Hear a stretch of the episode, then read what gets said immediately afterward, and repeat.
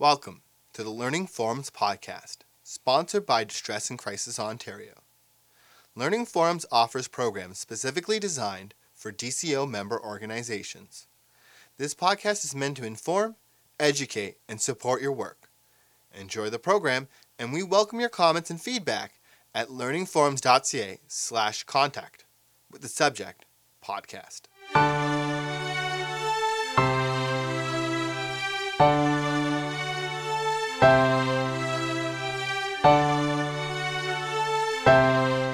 Like to welcome all of you and thank you very much for attending this training session.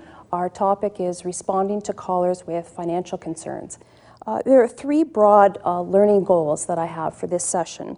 One is to help you appreciate the impact of economic worries and distress on our callers. Um, also, very importantly, we want to look at how distress centers can help people who are calling us with financial concerns. The third goal of the session is to provide some specific referrals that could be helpful to callers with these concerns. So, at a societal level, um, much of what I'm about to say are probably the kinds of things that you've been exposed to in the media reports over the last several months. Uh, it's no surprise that the national as well as the global economy are among the top sources of stress, both in Canada and the US. We're seeing rising unemployment. We're seeing uh, loss of home ownership or, or, deferred home ownership for those who had planned to buy a home and now have to delay that purchase. We're seeing uh, a reduction in pensions. I can recall um, recently a volunteer responded to a gentleman who was close to the traditional age of retirement and he and his wife had been looking forward to retirement and, and had plans for travel and so forth. And, and he was now very frightened uh, about what the near future held. And he said, I now see myself working for another two years. So uh, that's just a snapshot of, of what we can see at that level.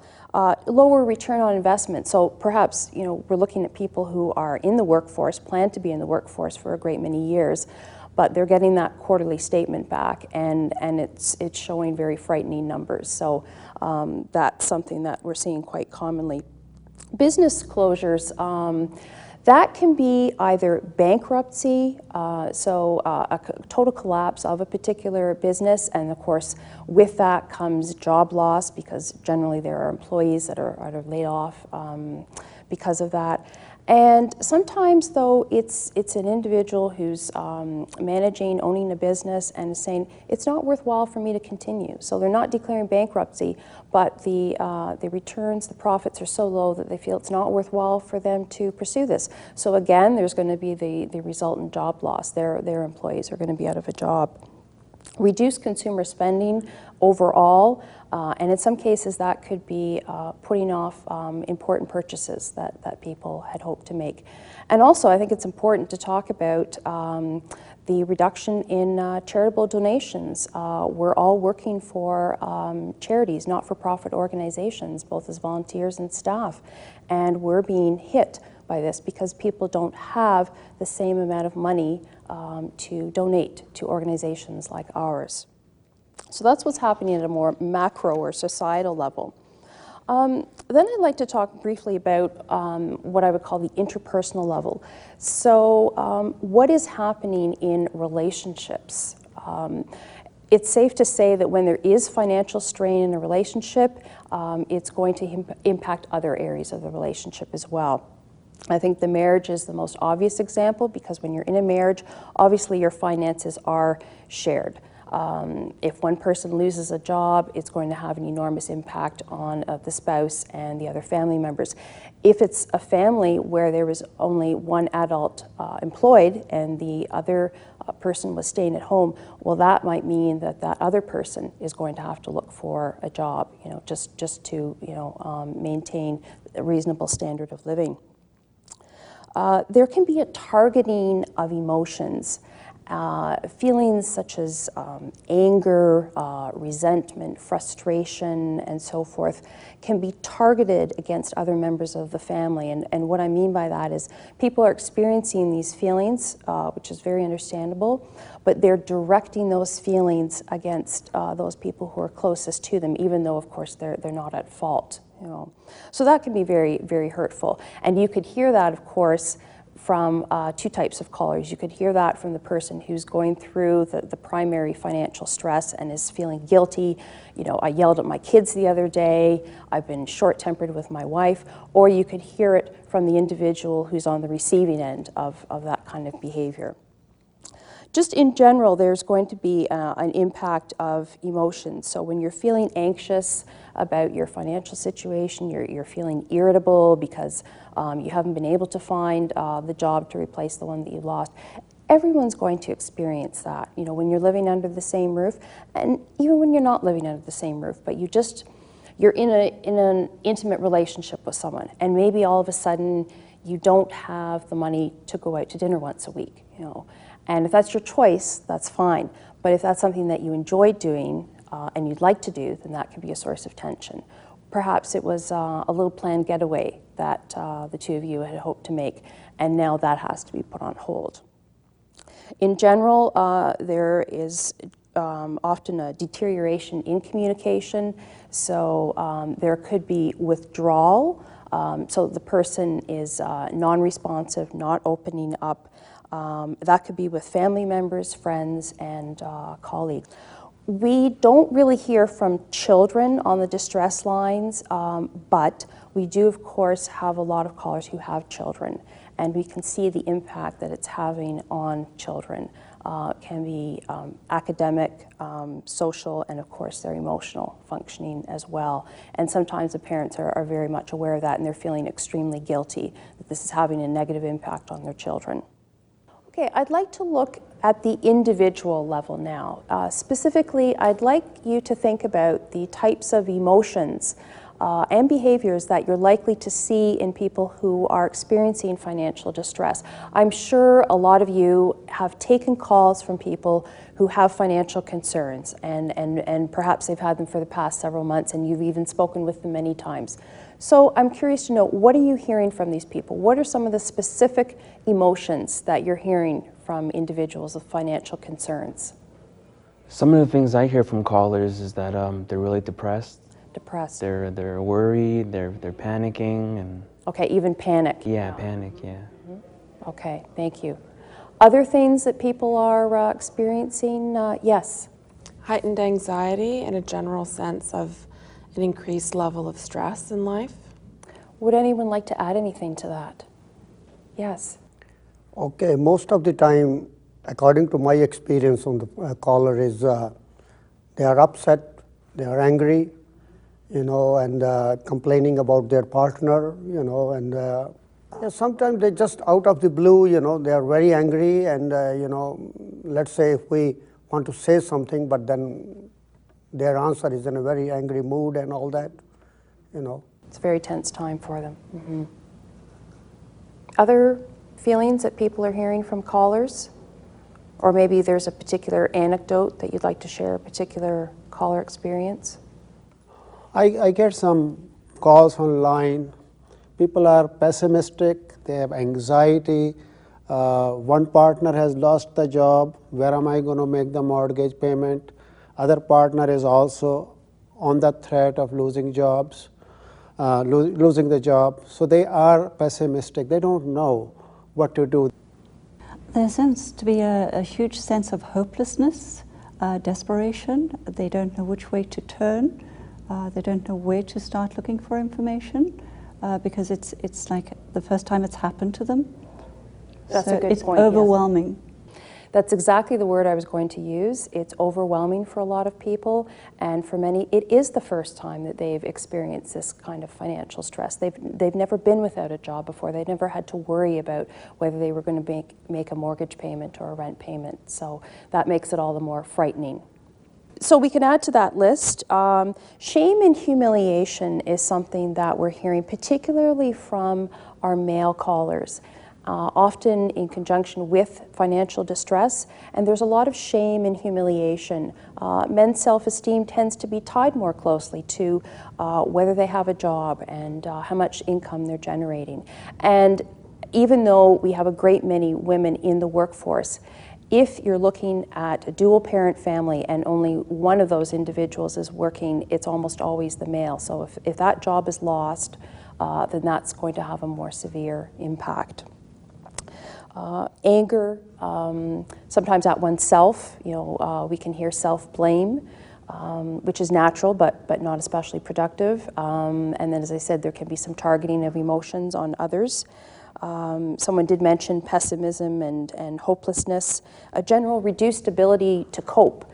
So, other stressors um, that may not even be related to the financial distress can be more difficult for people to manage at times like this. Sometimes it's more behavioral as well. So, people are withdrawing from their family members and friends, um, from their colleagues as well. We sometimes see people who are uh, really paralyzed, and I think that you were touching on that. So it's an individual who doesn't know where to turn, who instead of trying to do something constructive does nothing, which tends to exacerbate the situation. So not reaching out for help um, out of out of fear, out of shame, and so forth uh, makes that bad situation worse. worse. Interference with daily functioning. Um, when you're going through any major stressor, uh, it's going to have a negative impact on your sleep, you know, um, even, even your ability to rest and relax. Uh, you might have persistent negative thoughts running through your mind. Um, it can impact on your diet. You know, um, you're not as likely to sit down to a proper meal. Um, you're too tense to eat, or you're reaching for the wrong foods, again, exacerbating um, a bad situation. And Many of our callers have pre existing vulnerabilities, uh, particularly our regular callers. So they've been calling us for months uh, or years in some cases, and they have a chronic mental illness, they have a mental health uh, concern of some other sort, they are trying to cope with a substance abuse issue, uh, they have a physical disability. And there can be a direct, very negative impact of this financial distress on them because they are emotionally fragile in a lot of cases, even just hearing the stories is enough to cause stress. So they're, they're caught up in the hype. Uh, their personal situation might not have changed, but hearing the stories, reading, seeing the media reports exacerbates their stress. I mentioned at the outset that I did want to talk briefly about um, suicide because, of course, it is a key part of what we do at distress centers suicide prevention, suicide risk assessment, and so forth we know, we've known for a long time, that unemployment is a risk factor for suicide. So that rising unemployment rate, all on its own, makes us more concerned about suicidal thoughts and behaviors that our callers uh, might experience. When people are feeling suicidal, they're generally experiencing an inability to see beyond their immediate loss to a future where they can recover financially and otherwise from that loss. Okay? They can't see beyond the, um, the painful experience. Generally speaking, there's this perception of suicide as a solution, but of course, it is a permanent solution to a temporary problem. The recession will end, people's personal finances will improve, and so forth. And people with certain vulnerabilities, so those with uh, clinical depression, for example, those with self attribution thinking. In other words, uh, if something goes wrong in life, they tend to attribute blame to themselves and, and, and you know, not, um, not external factors. Those are the individuals who tend to struggle most, and those are the individuals where we're most concerned about them having suicidal thoughts and perhaps acting on those suicidal thoughts in response to these financial stressors. So, how can we, as, as responders to people with financial concerns, how can we support individuals? How, how can we help them get through these difficult times? Um, de escalating troubling emotions, so, so making those um, painful feelings less intense, increasing their capacity for managing stress, fostering empowerment, and providing information about financial support in general and specific referrals. So, beginning with uh, de escalation of, of emotions, I'd like to provide some specific um, tips that uh, we could use when responding to people with uh, financial worries and in financial crisis. One thing we want to do, uh, which is not easy when, when you're uh, experiencing heightened anxiety, is to encourage the person to, to pause, so to speak. It's not beneficial to individuals to make major decisions when their anxiety and, and other negative emotions are at a heightened level. Uh, very few things need to be decided at that moment when someone calls you. So you can often encourage people to take the time to think through what would be best for them, where they can turn for support. Remember, I said some people are just paralyzed with fear. They're not doing anything, they're not reaching out for help at all. So discourage them from making hasty decisions or decisions, particularly major decisions, when they're especially upset. We want to help the person try to see beyond the immediate loss. Uh, we talk a lot about dealing in the here and now at distress centers, and, and of course we, we want to do that. But we also want to help them think about, you know, the, the near future, you know, or maybe you can help them do that by getting them to think about other difficult times that they've experienced. You know, what are some other difficult periods in your life? And, and how did you get through that? You know, and that can reinforce that I can get through this. You know, I've, I've, I've had similar stressors before. I, I can do this.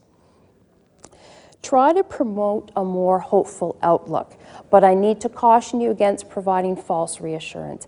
It's not helpful to people, and it could even come across as, as insulting to one's intelligence if you say, I'm sure everything's going to be fine, you know, don't worry, I'm, I'm sure you're going to find a job in the next few weeks. We don't know that, they don't know that but you can provide some realistic hope. So you can find out, you know, what are their sources of support. Okay, so you mentioned that you might ask, you know, such an individual for um, some contacts in your field. You know, that might in turn lead to a job. Um, you talked about um, contacting a credit counseling agency that could, you know, provide some reassurance and some practical tips for dealing with it. So things of that nature, exploring their supports, encouraging them to use their supports, reminding them of past difficulties that they have overcome, um, strengthens their, their self-esteem. And, and again, you're staying away from false reassurance when you're doing that. Convey that the person is not alone in their experience. Uh, some people find it reassuring just to be told a lot of people are having feelings like that these days. You know, um, I've talked to a lot of individuals who are going through something similar to you. You still want to keep the focus on the caller. You don't want to go down the path of, you know, talking about your Aunt Mary and your cousin and your next door neighbor. But just in a general sense, a lot of people are experiencing things like this and, and having a hard time. You know. And then watch out for signs of self blame, that self attribution thinking. So, thinking it's all about things that you did or didn't do um, not especially constructive. We, we can't undo the past, you know. So, you know, just just point out to them that when they're blaming themselves, they're they're heightening their stress, and and they're really not doing anything productive. So try to help them get past that. Stress management. Uh, we all talk about stress and stress management, and uh, when people's finances um, are in poor shape, it can be particularly um, anxiety provoking because it's your very livelihood. It's, it's, it's your house, it's your food, you know, it's your basic needs. So help the person reflect on how they generally deal with stress. You might find that in general, they have a good repertoire of uh, stress management strategies, but maybe they haven't been using them because they're panicky and so forth. Um, if they don't have a good repertoire, you can help them explore other things that they might be doing. You know. Consider the potential for unhealthy choices. Now, there are going to be individuals who you determine are at greater risk for turning to alcohol or turning to drugs. Perhaps they mentioned early on in the conversation that um, they stopped going to AA meetings. So that's, that's a tip off to you. This person has struggled with alcohol consumption. So you want to come back to that and, and address that issue. Uh, you mentioned that you hadn't been going to AA meetings. Do you mind if I ask, um, have you had any alcohol to drink? You know, um, and explore that. And, and when you see that risk, talk to them about coping strategies. So maybe the individual is, is not uh, uh, is not an individual who's gone back to alcohol or drugs, despite having had a, an issue with that in the past. But try to be proactive and get them thinking about okay, if you are tempted to drink, what are you going to do? You know, and of course, that could be you know uh, contacting their sponsor if they're with AA, calling us. You know, we're here for you 24/7. That type of thing. It can be helpful to identify the specific financial stressors. You know, we're, we're talking here about financial stress in general, and I gave a few examples. You know, a person experiencing a job loss, a person who has to defer retirement, um, so forth. But help that individual who's on the other end of the line identify their specific stressors. Okay, so in particular, what has you concerned you know and if it's a long list help them to identify what is of most concern so they can prioritize in terms of their time and, and energy and putting in, in putting that time and energy into what is of greatest concern and help the person understand the possible impact of this stress on their family and, and other relationships because this will enable them to recognize the impact, which they might not have considered up to this point, and, and to cope with it in healthy ways. Because as we said, financial difficulty and relationship issues are, are often linked. Turning now to fostering empowerment and providing information to our callers. Uh, we can foster individual resilience a few ways, and these are simple but effective methods. Uh, one is to simply keep things in perspective. It can be very easy in this age of 24 7 media accounts to be feeling like you're absolutely bombarded with negative messages. And it's important to uh, sometimes even be a little bit more directive with callers and actively discourage them from constantly reading the newspapers, watching CNN, and so forth.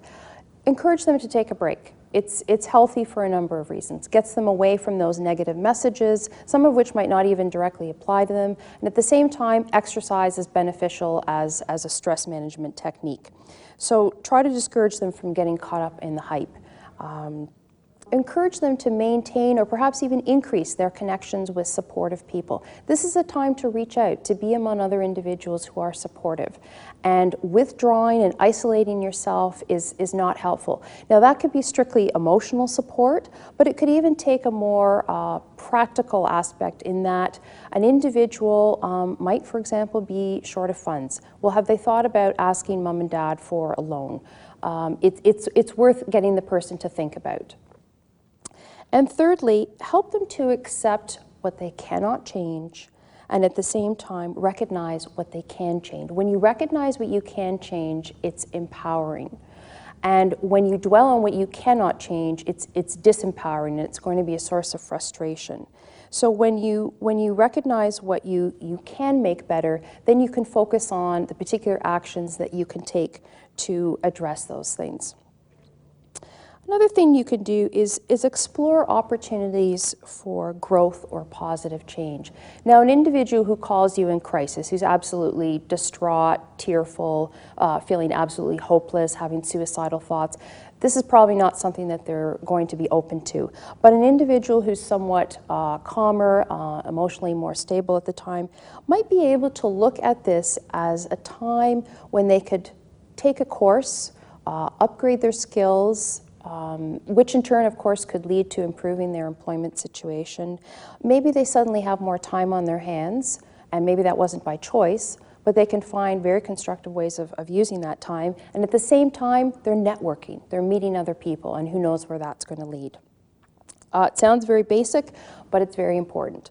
Uh, encouraging physical exercise and attending to basic needs. So, when people are in crisis, and particularly if, if they're struggling with suicidal thoughts, the basics around uh, proper diet, uh, getting sleep, uh, even even getting adequate rest because it's difficult to sleep at times, but you can certainly rest. Um, are these things being addressed? You know, so ask people directly. You know, what's your what's your eating been like? You know, lately. Um, if there's no food in the house, uh, because there's no money to buy food, well, that, that's where a referral is going to come in handy, and we'll get to that in a moment. Um, but it is important that people attend to those basic needs. I used to like to tell callers who um, were not eating properly and not sleeping properly that a good day is difficult to manage. If I get up and I'm having a good day, but I don't eat anything and I haven't slept well the night before, you know, in no time at all, I'm going to be feeling anxious, maybe even physically ill. So a little encouragement, and sometimes you have to be a little bit more directive about that, uh, can be helpful. Creating a management plan with priorities, very empowering. Now, interestingly, this might initially heighten their anxiety. They, they, they see this list, um, a to do list, so to speak. But when you when you put it on paper, you tend to stop worrying about it as much. Okay, it's on paper, you know, I've got it down, you know, I can organize my thoughts, I can organize my feelings. Um, at the same time, as I said, you prioritize. That's very important, okay? Because maybe a person has uh, five or six things that they feel that they really need to do around this issue. What is the most important thing? Help that person decide where they need to put most of their time and energy right now. And another important part of that is breaking it down into small steps. When you look at a major task, you know, as, as, as one large entity, it can feel very overwhelming, regardless of what it is. You know, you think about the 30 page essay, oh, 30 pages. But if you just think about the introduction, you know, and you work on that for a while, it's manageable, you know, and then you can reward yourself, so to speak. You know, you've completed one segment of that task. It's also um, worth asking people whether they have contacted their banks, their credit card providers, particularly if, if, let's say, they're not making their credit card payments and whatnot, to discuss their options. One thing that's, that's really going to work against them is silence. When you don't talk to the people at your bank, when you don't talk to your credit card provider, um, they can't possibly understand your situation. They can't possibly work with you to try to explore what your options are. So it can be fearful to think about making that phone call, but often people will experience relief. Just like it's sometimes hard to tell friends or family members, you know what, I'm going through a rough time right now. And then the relief that you feel, you know, when, when you have someone listening to you, and then they, what can I do? Why didn't you come to me sooner?